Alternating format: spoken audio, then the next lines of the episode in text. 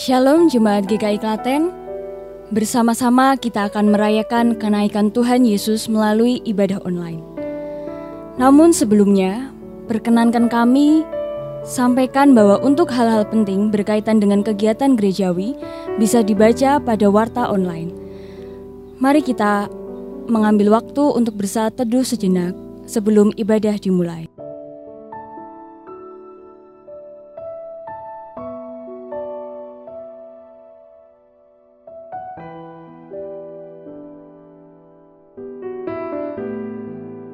Jemaat diundang untuk bangkit berdiri.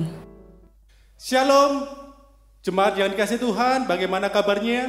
Semoga kita semua selalu diberi kesehatan dan perlindungan dari Tuhan. Karena Tuhan kita adalah Tuhan yang baik. Dan jika pada saat ini kita masih diberi kesehatan dan perlindungan dan boleh beribadah meski di rumah kita masing-masing, itu semua adalah karena kebaikan Tuhan. Nah, untuk itu, mari kita bersuka cita karena pada hari ini kita memperingati kenaikan Tuhan Yesus ke surga. Dia naik ke surga untuk mempersiapkan tempat bagi kita semua orang-orang yang percaya kepadanya. Mari dengan bangkit berdiri kita tunjukkan sukacita kita. Mari kita puji dan muliakan namanya. Hai dunia, bersoraklah.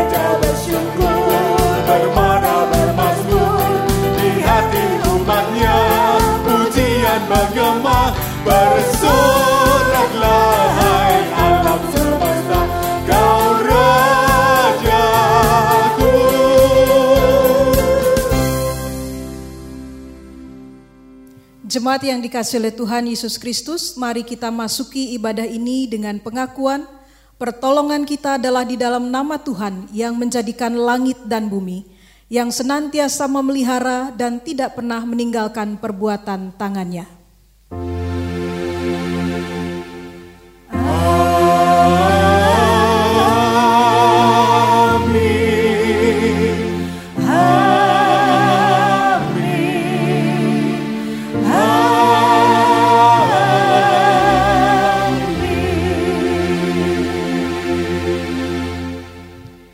Kasih karunia dan damai sejahtera dari Allah Bapa dan dari Tuhan Yesus Kristus beserta dengan saudara. Dan beserta saudara juga. Jemaat yang dikasih oleh Tuhan Yesus Kristus, tema, tema ibadah kita pada hari ini adalah menyuarakan kabar baik dengan sukacita. Kita dipanggil untuk memberitakan Injil Tuhan di tempat kita masing-masing berada, baik dalam perkataan maupun dengan perbuatan. Sebelum kita melanjutkan ibadah ini, mari kita datang kepada Tuhan di dalam doa. Mari kita berdoa.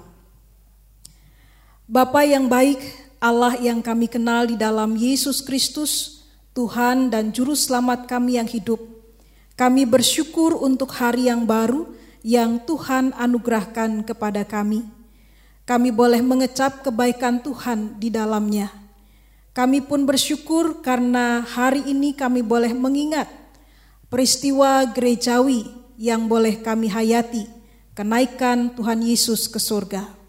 Biarlah melalui peristiwa yang kami hayati pada hari ini, kami dibawa untuk melihat karya kasih Allah bagi dunia yang telah dinyatakan dan yang akan terus dinyatakan. Kami pun bersyukur kepadamu ya Tuhan melalui peristiwa kenaikan Tuhan Yesus ke surga kami diingatkan akan tugas panggilan kami untuk memberitakan kabar baik itu di tengah-tengah kehidupan dengan sukacita, dengan penuh rasa syukur. Dan bila selama ini kami memberitakan kabar baik itu dengan keluh kesah, dengan bersungut-sungut, bahkan kami menolak panggilan Tuhan untuk menyuarakan atau memberitakan kabar baik itu, kami memohon pengampunanmu. Berbelas kasihanlah kepada kami ya Tuhan. Mampukanlah kami dengan kuasa rohmu yang kudus pada akhirnya untuk dapat memberitakan dan mau melakukan apa yang Tuhan kehendaki.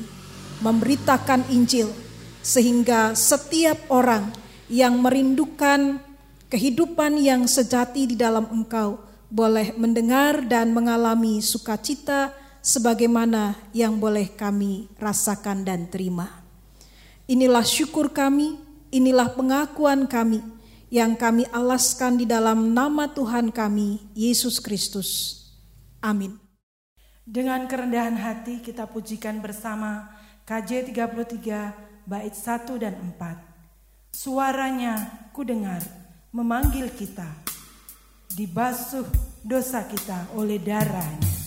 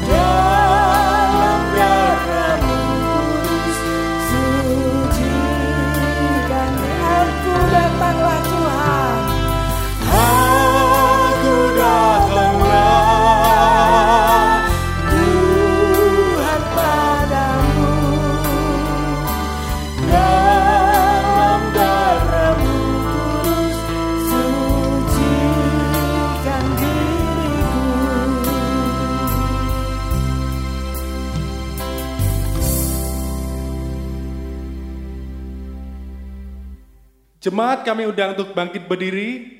Kita akan bersama-sama menerima berita anugerah yang dibacakan dari Efesus 5 ayat 15 sampai 17. Karena itu, perhatikanlah dengan saksama bagaimana kamu hidup, janganlah seperti orang bebal, tetapi seperti orang arif. Dan pergunakanlah waktu yang ada, karena hari-hari ini adalah jahat. Sebab itu, janganlah kamu bodoh, tetapi usahakanlah supaya kamu mengerti kehendak Tuhan. Demikianlah berita anugerah dari Tuhan. Syukur, Syukur kepada Allah. Nama Yesus termulia di atas segala nama. Kita muliakan namanya lewat lagu pujian kita pujikan bersama-sama PKJ 184 bait pertama dan kedua.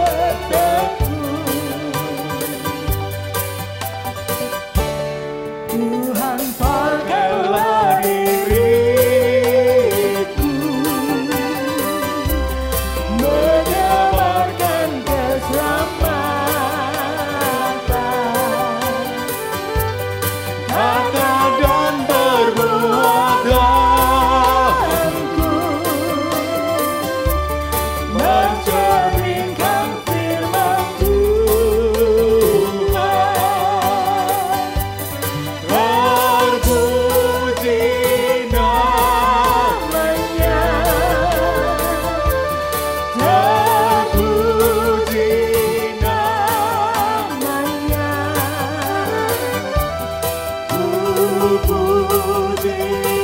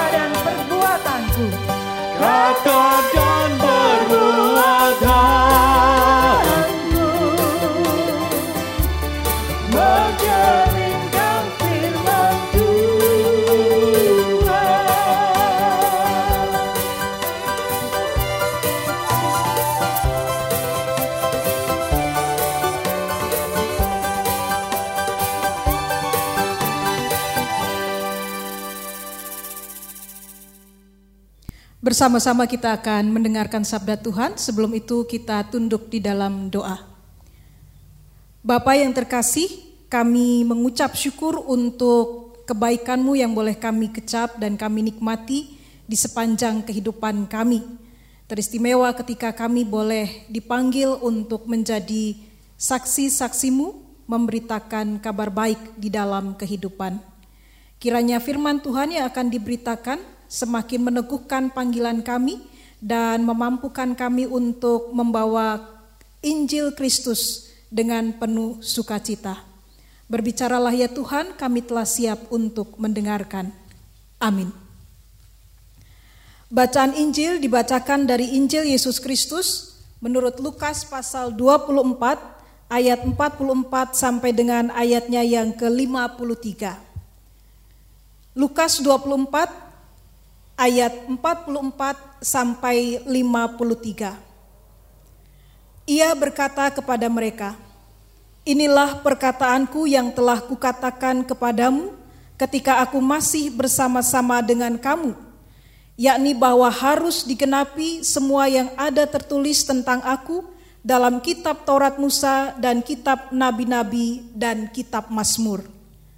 Lalu ia membuka pikiran mereka sehingga mereka mengerti kitab suci. Katanya kepada mereka, ada tertulis demikian, Mesias harus menderita dan bangkit dari antara orang mati pada hari yang ketiga.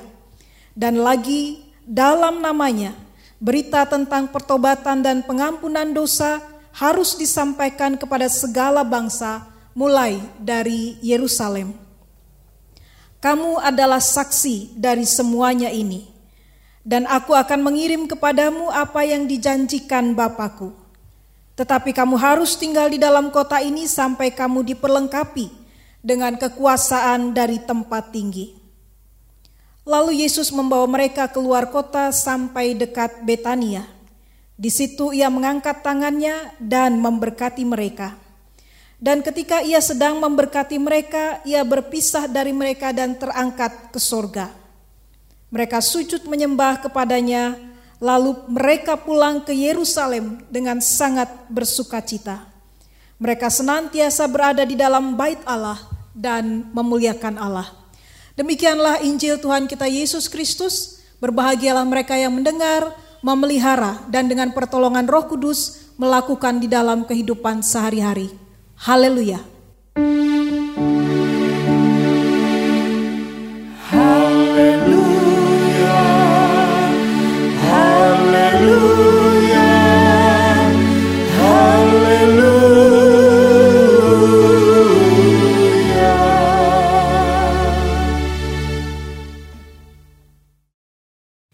Saudara-saudara yang dikasih oleh Tuhan Yesus Kristus, sebuah puisi yang ditulis oleh Leslie Nielsen mengantar kita di dalam refleksi menghayati peristiwa kenaikan Tuhan Yesus ke surga.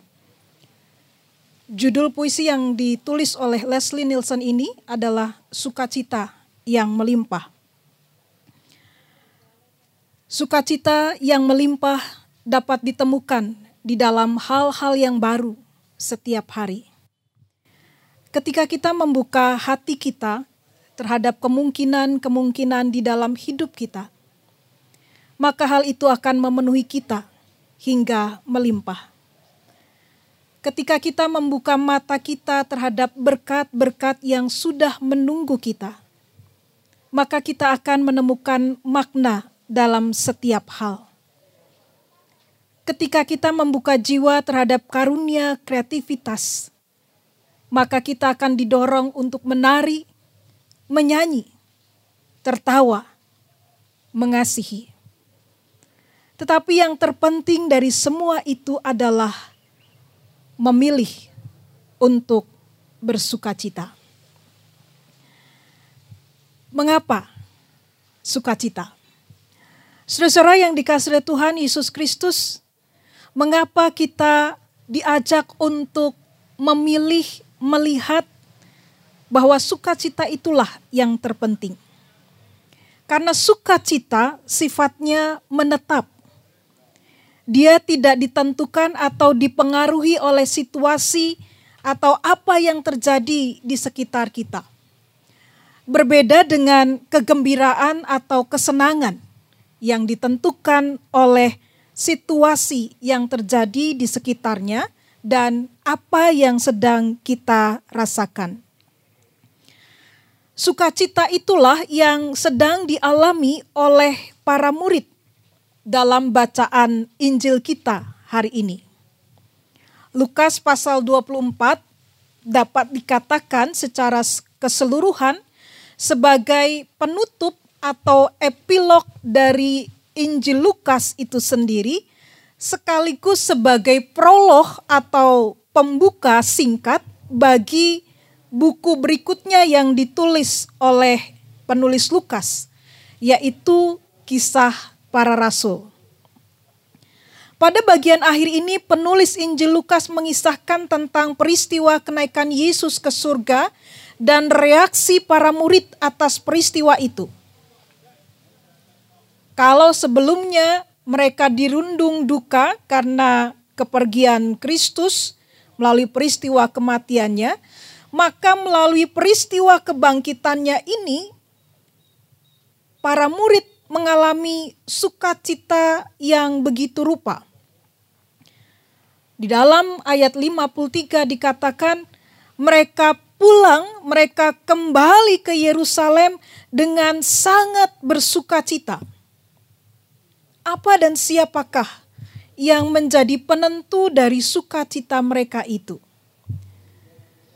Mulai dari ayat 44 sampai dengan ayat 53 kita akan melihat apa yang menjadi penentu dari sukacita yang dialami oleh para murid dan apa yang mereka alami inilah yang akan mereka bawa dalam karya pelayanan mereka lebih lanjut.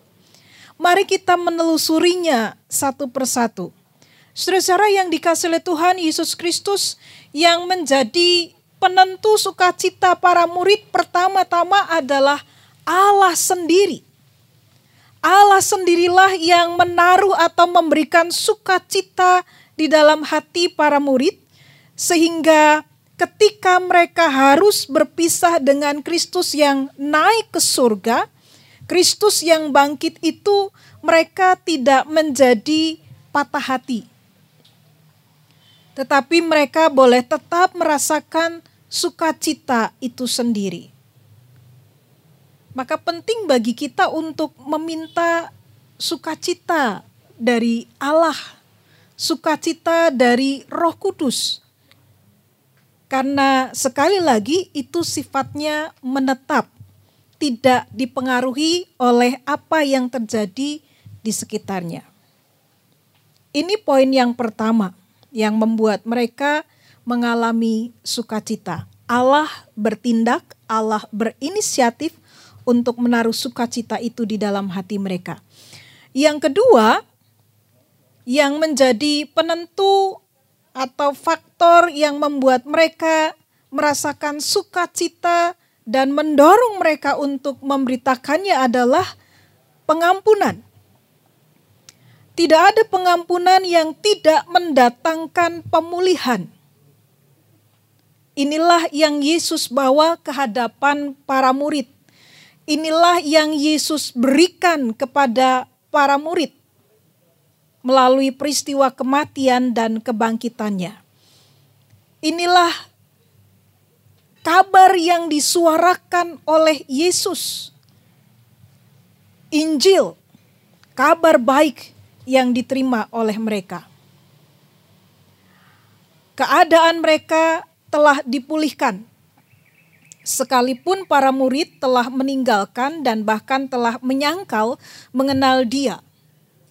Tetapi Kristus berprakarsa untuk menyatakan pemulihan. Dengan kata lain, Yesus meminta para murid untuk tidak terbelenggu dengan peristiwa yang sudah terjadi. Bukan berarti Yesus menyetujui apa yang mereka lakukan meninggalkan dan menyangkal Yesus itu. Lebih lanjut, Yesus berkata kepada mereka, "Sebab apa yang terjadi pada Anak Manusia memang harus terjadi, agar genaplah semua yang tertulis tentang Dia di dalam Kitab Taurat Musa, Kitab para Nabi, dan Mazmur." Yang tertuang di dalam ayat ke-44. Saudara-saudara, betapa agungnya kasih yang dinyatakan oleh Yesus kepada para murid dan juga kita tentunya. Maka tidak salah kalau Bapak Paus Fransiskus mengatakan, "The name of God is mercy." Mercy is the first attribute of God.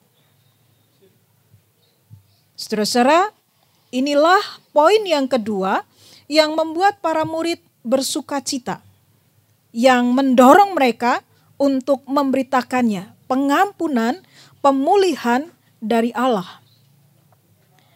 Yang ketiga, Bapak Ibu Saudara yang dikasih oleh Tuhan Yesus Kristus, penampakan setelah peristiwa kebangkitan selama 40 hari menjadi sebuah kabar baik yang mendatangkan sukacita bagi para murid. Karena dengan demikian mereka diperjumpakan dan diteguhkan kembali akan keberadaan Allah yang hidup. Allah yang ada di antara mereka Allah yang beserta dengan mereka. Maka perpisahan yang terjadi melalui peristiwa kenaikan Yesus ke surga tidak membuat para murid menjadi bermuram durja dan berputus asa. Mengapa? Karena mereka tahu bahwa tidak akan ada yang dapat memisahkan mereka dengan kasih Kristus. Baik ketika Yesus berada di bumi maupun ketika dia telah naik ke surga. Ini poin yang ketiga. Poin yang keempat adalah karena kesempatan dan kepercayaan yang Yesus berikan kepada mereka. Tidak ada orang yang tidak berbahagia ketika kepadanya diberi kesempatan dan kepercayaan kembali panggilan yang dipercayakan kepada para murid untuk menjadi saksi-saksi Kristus, menyuarakan Injil Kristus dengan sukacita, itulah yang mendorong, itulah yang membuat mereka tergerak hatinya untuk memberitakan kabar baik itu. Dan memberitakan kabar baik, menyuarakan Injil Tuhan di tengah-tengah kehidupan bukanlah panggilan yang mustahil dan berat untuk dilakukan. Itu bukan sesuatu yang mustahil. Karena sering kali kita berkata, saya tidak bisa memberitakan Injil, saya tidak dapat mewartakan kabar baik karena katakanlah kecakapan saya dalam berbicara. Yesus menambahkan dalam perjumpaan yang terakhir kalinya itu dengan apa yang dijanjikan oleh Bapa. Aku akan mengirim kepadamu apa yang dijanjikan Bapakku. Apakah yang dijanjikan oleh Bapa di surga?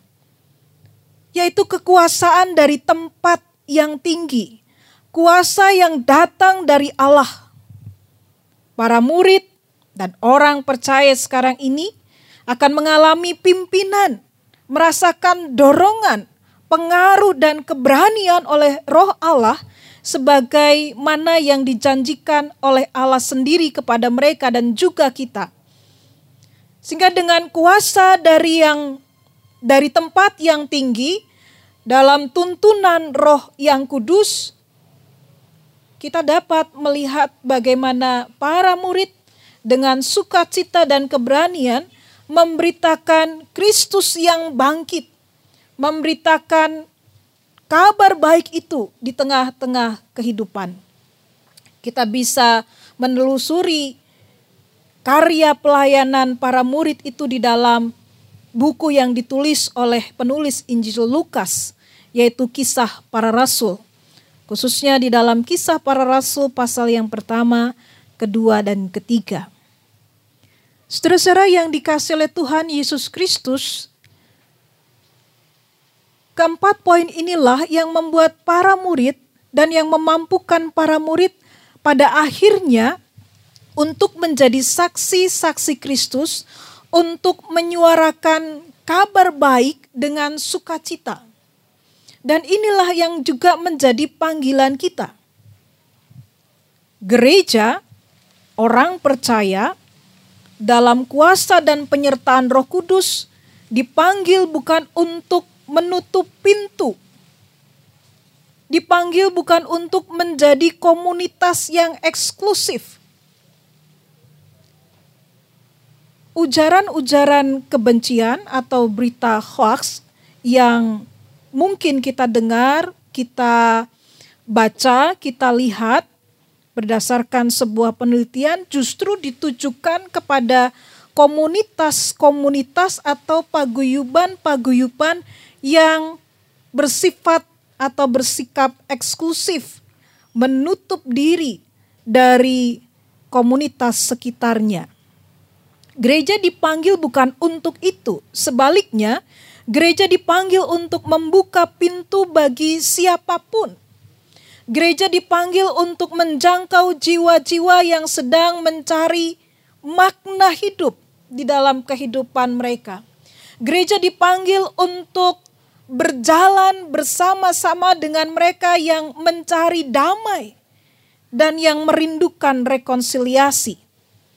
Gereja dipanggil untuk menjadi komunitas yang merangkul dan merengkuh mereka yang sedang berupaya untuk mengalami kesembuhan dari luka yang mereka alami, baik secara fisik maupun rohani sebagaimana para murid masuk ke dalam dunia memberitakan kabar baik mulai dari Yerusalem sampai ke ujung dunia, gereja dipanggil untuk itu.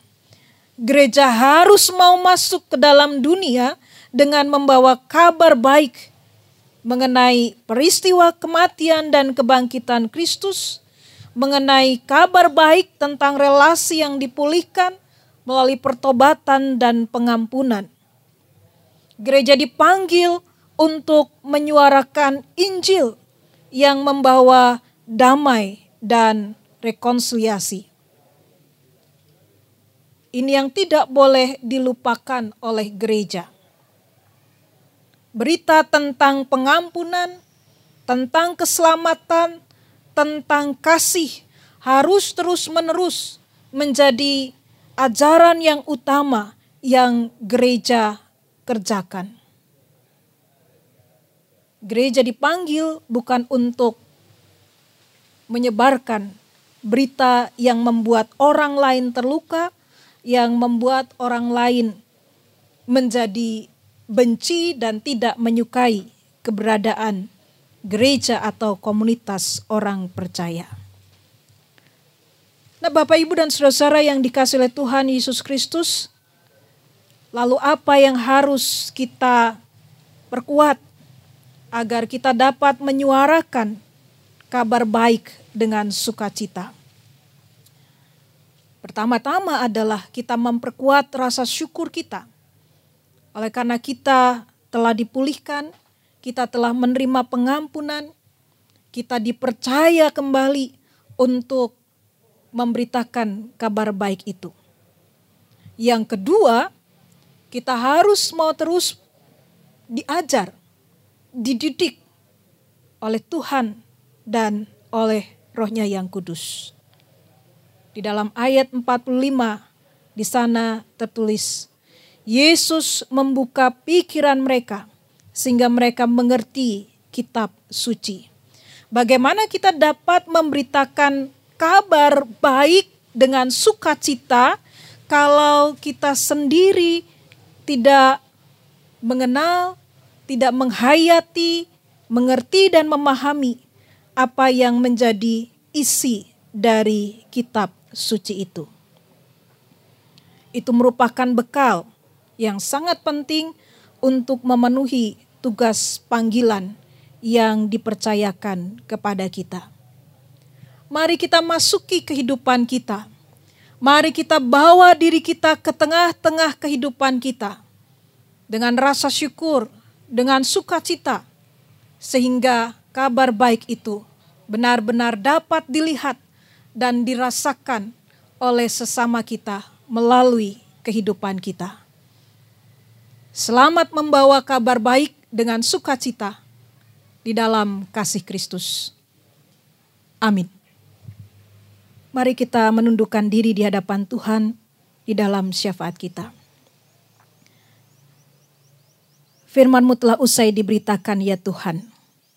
Dan melalui pemberitaan firman-Mu itu, kami diingatkan akan panggilan kami sebagai saksi-saksi Kristus untuk menyuarakan suaramu di tengah-tengah kehidupan dengan penuh sukacita. Oleh karena kami sendiri telah dijumpai oleh Tuhan. Karena kami sendiri telah mengalami pengampunan dan pemulihan atas belas kasih Tuhan. Karenanya ya Tuhan, mampukanlah kami untuk memberitakan Injilmu dengan penuh sukacita. Saat ini ketika kami boleh mengingat karya kasih Allah melalui peristiwa kenaikan Tuhan Yesus ke surga. Kami rindu untuk berdoa bagi sesama kami yang saat ini sedang mengalami berbagai pergumulan dalam ragam bentuknya. Kami mengingat akan sesama kami yang sedang berduka cita. Kami mengingat saudara-saudara kami yang sedang berjuang untuk menata kehidupannya kembali, baik dalam kehidupan di tengah-tengah keluarga, dan di dalam pekerjaan serta pelayanan, di dalam relasi dengan sesama. Mereka yang sedang bergumul untuk memperbaiki taraf kehidupannya. Di dalam segala pergumulan mereka, Tuhan kiranya kasih karuniamu meneguhkan dan menopang mereka. Agar di dalam pergumulan dan pergulatan hidup mereka sekarang ini, mereka boleh tetap menaruh harap mereka di dalam Engkau, Allah yang hidup, Allah yang menjumpai para murid. Kiranya juga Allah yang boleh mereka jumpai dan menjumpai mereka di tengah-tengah kesulitan, tantangan yang harus mereka hadapi. Tuntunlah mereka dengan rohmu yang kudus, agar dalam menyikapi pergumulan dan pergulatan hidup, mereka boleh tetap berada di dalam jalanmu yang membawa kemenangan. Tuntunlah mereka dengan terang surgawimu. Sehingga mereka boleh keluar dari tantangan-tantangan dan pergumulan-pergumulan dengan penuh kemenangan. Kami juga berdoa ya Tuhan untuk upaya-upaya pemerintah yang masih berjuang untuk atau dalam menghadapi pandemi COVID-19. Hikmat Tuhan beserta dengan pemimpin-pemimpin kami, sehingga mereka pun boleh mengambil kebijakan-kebijakan yang mendatangkan kebaikan bagi seluruh rakyat negeri ini di tengah-tengah mewabahnya virus corona. Juga kami berdoa bagi setiap warga negara, anggota masyarakat mampukanlah kami untuk mengikuti himbauan-himbauan yang terus-menerus diserukan oleh pemerintah agar kami dapat menjaga diri, menjaga kesehatan, menjaga jarak dengan lingkungan di sekitar kami. Sehingga wabah COVID-19 ini perlahan namun pasti dapat berakhir. Kami berdoa juga ya Tuhan untuk gereja-gereja Tuhan di tengah-tengah situasi yang tidak mudah ini. Mampukanlah kami untuk menjadi gereja yang menyatakan kasih dan kemurahan Tuhan melalui apa yang dapat kami lakukan di tengah-tengah keterbatasan yang ada. Inilah syafaat kami yang kami panjatkan di dalam nama Tuhan kami Yesus Kristus, Allah yang berkuasa atas langit dan bumi. Amin.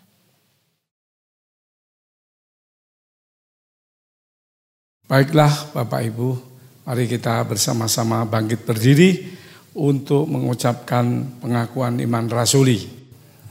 Marilah kita bersama dengan umat Allah di masa lalu, masa kini, dan masa depan. mengingat pengakuan pada baptisan kita menurut pengakuan iman rasuli.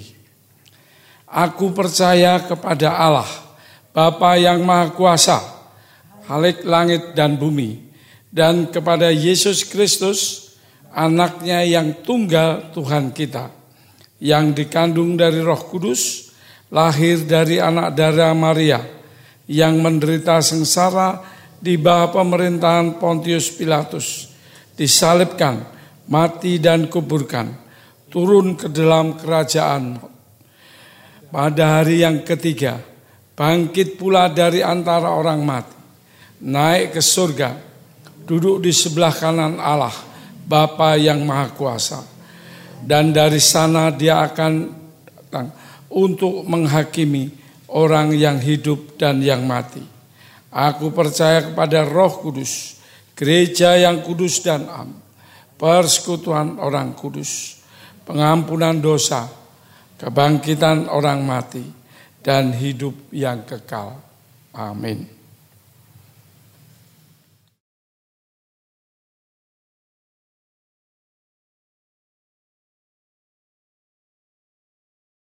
Jemaat yang dikasih Tuhan, mari kita mengucap syukur pada Tuhan melalui persembahan yang didasari dari Mazmur pasal 106 ayat 1. Haleluya, bersyukurlah kepada Tuhan sebab ia baik, bahwasanya untuk selama-lamanya kasih setianya. Kini kita akan mengumpulkan persembahan dengan alternatif. Pertama, transfer ke rekening BCA Klaten dengan nomor 0306599 atas nama GKI Klaten. Kedua, dengan scan kode QRIS, memakai aplikasi keuangan atau fintech atau internet banking yang terinstal di handphone. Ketiga, memasukkan ke kotak persembahan di gereja pada hari Minggu atau hari lain pada jam kerja kantor. Berlaku untuk persembahan mingguan, perpuluhan, syukur, dan persembahan lainnya. Alternatif terakhir adalah persembahan dapat disimpan terlebih dahulu dan disampaikan kemudian hari setelah kondisi kembali normal. Jemaat yang dikasih Tuhan, mari kita bawa persembahan kita dengan memuji nama Tuhan. KC 288. Mari puji Raja Surga.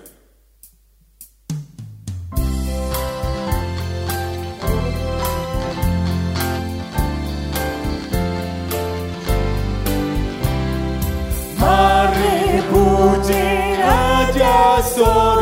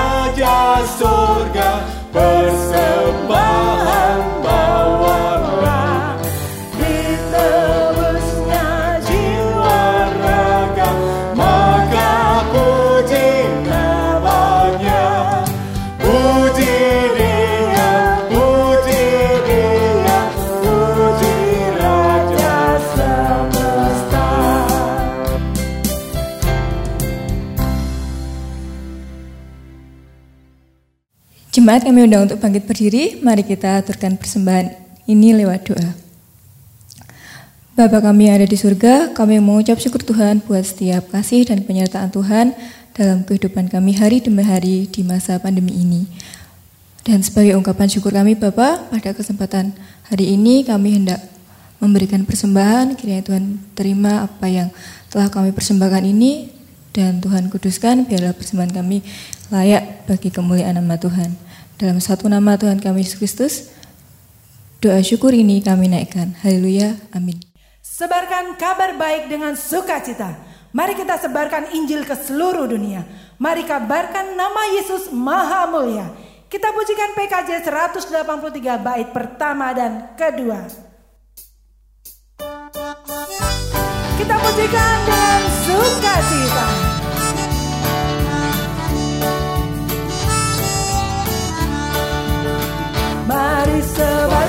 Injil ke seluruh dunia. Mari kabarkan nama Yesus Maha Mulia. Besar kasihnya bagiku dan bagi kita semua. Dia mati bagi umat manusia. Mari sebarkan, hai mari ke seluruh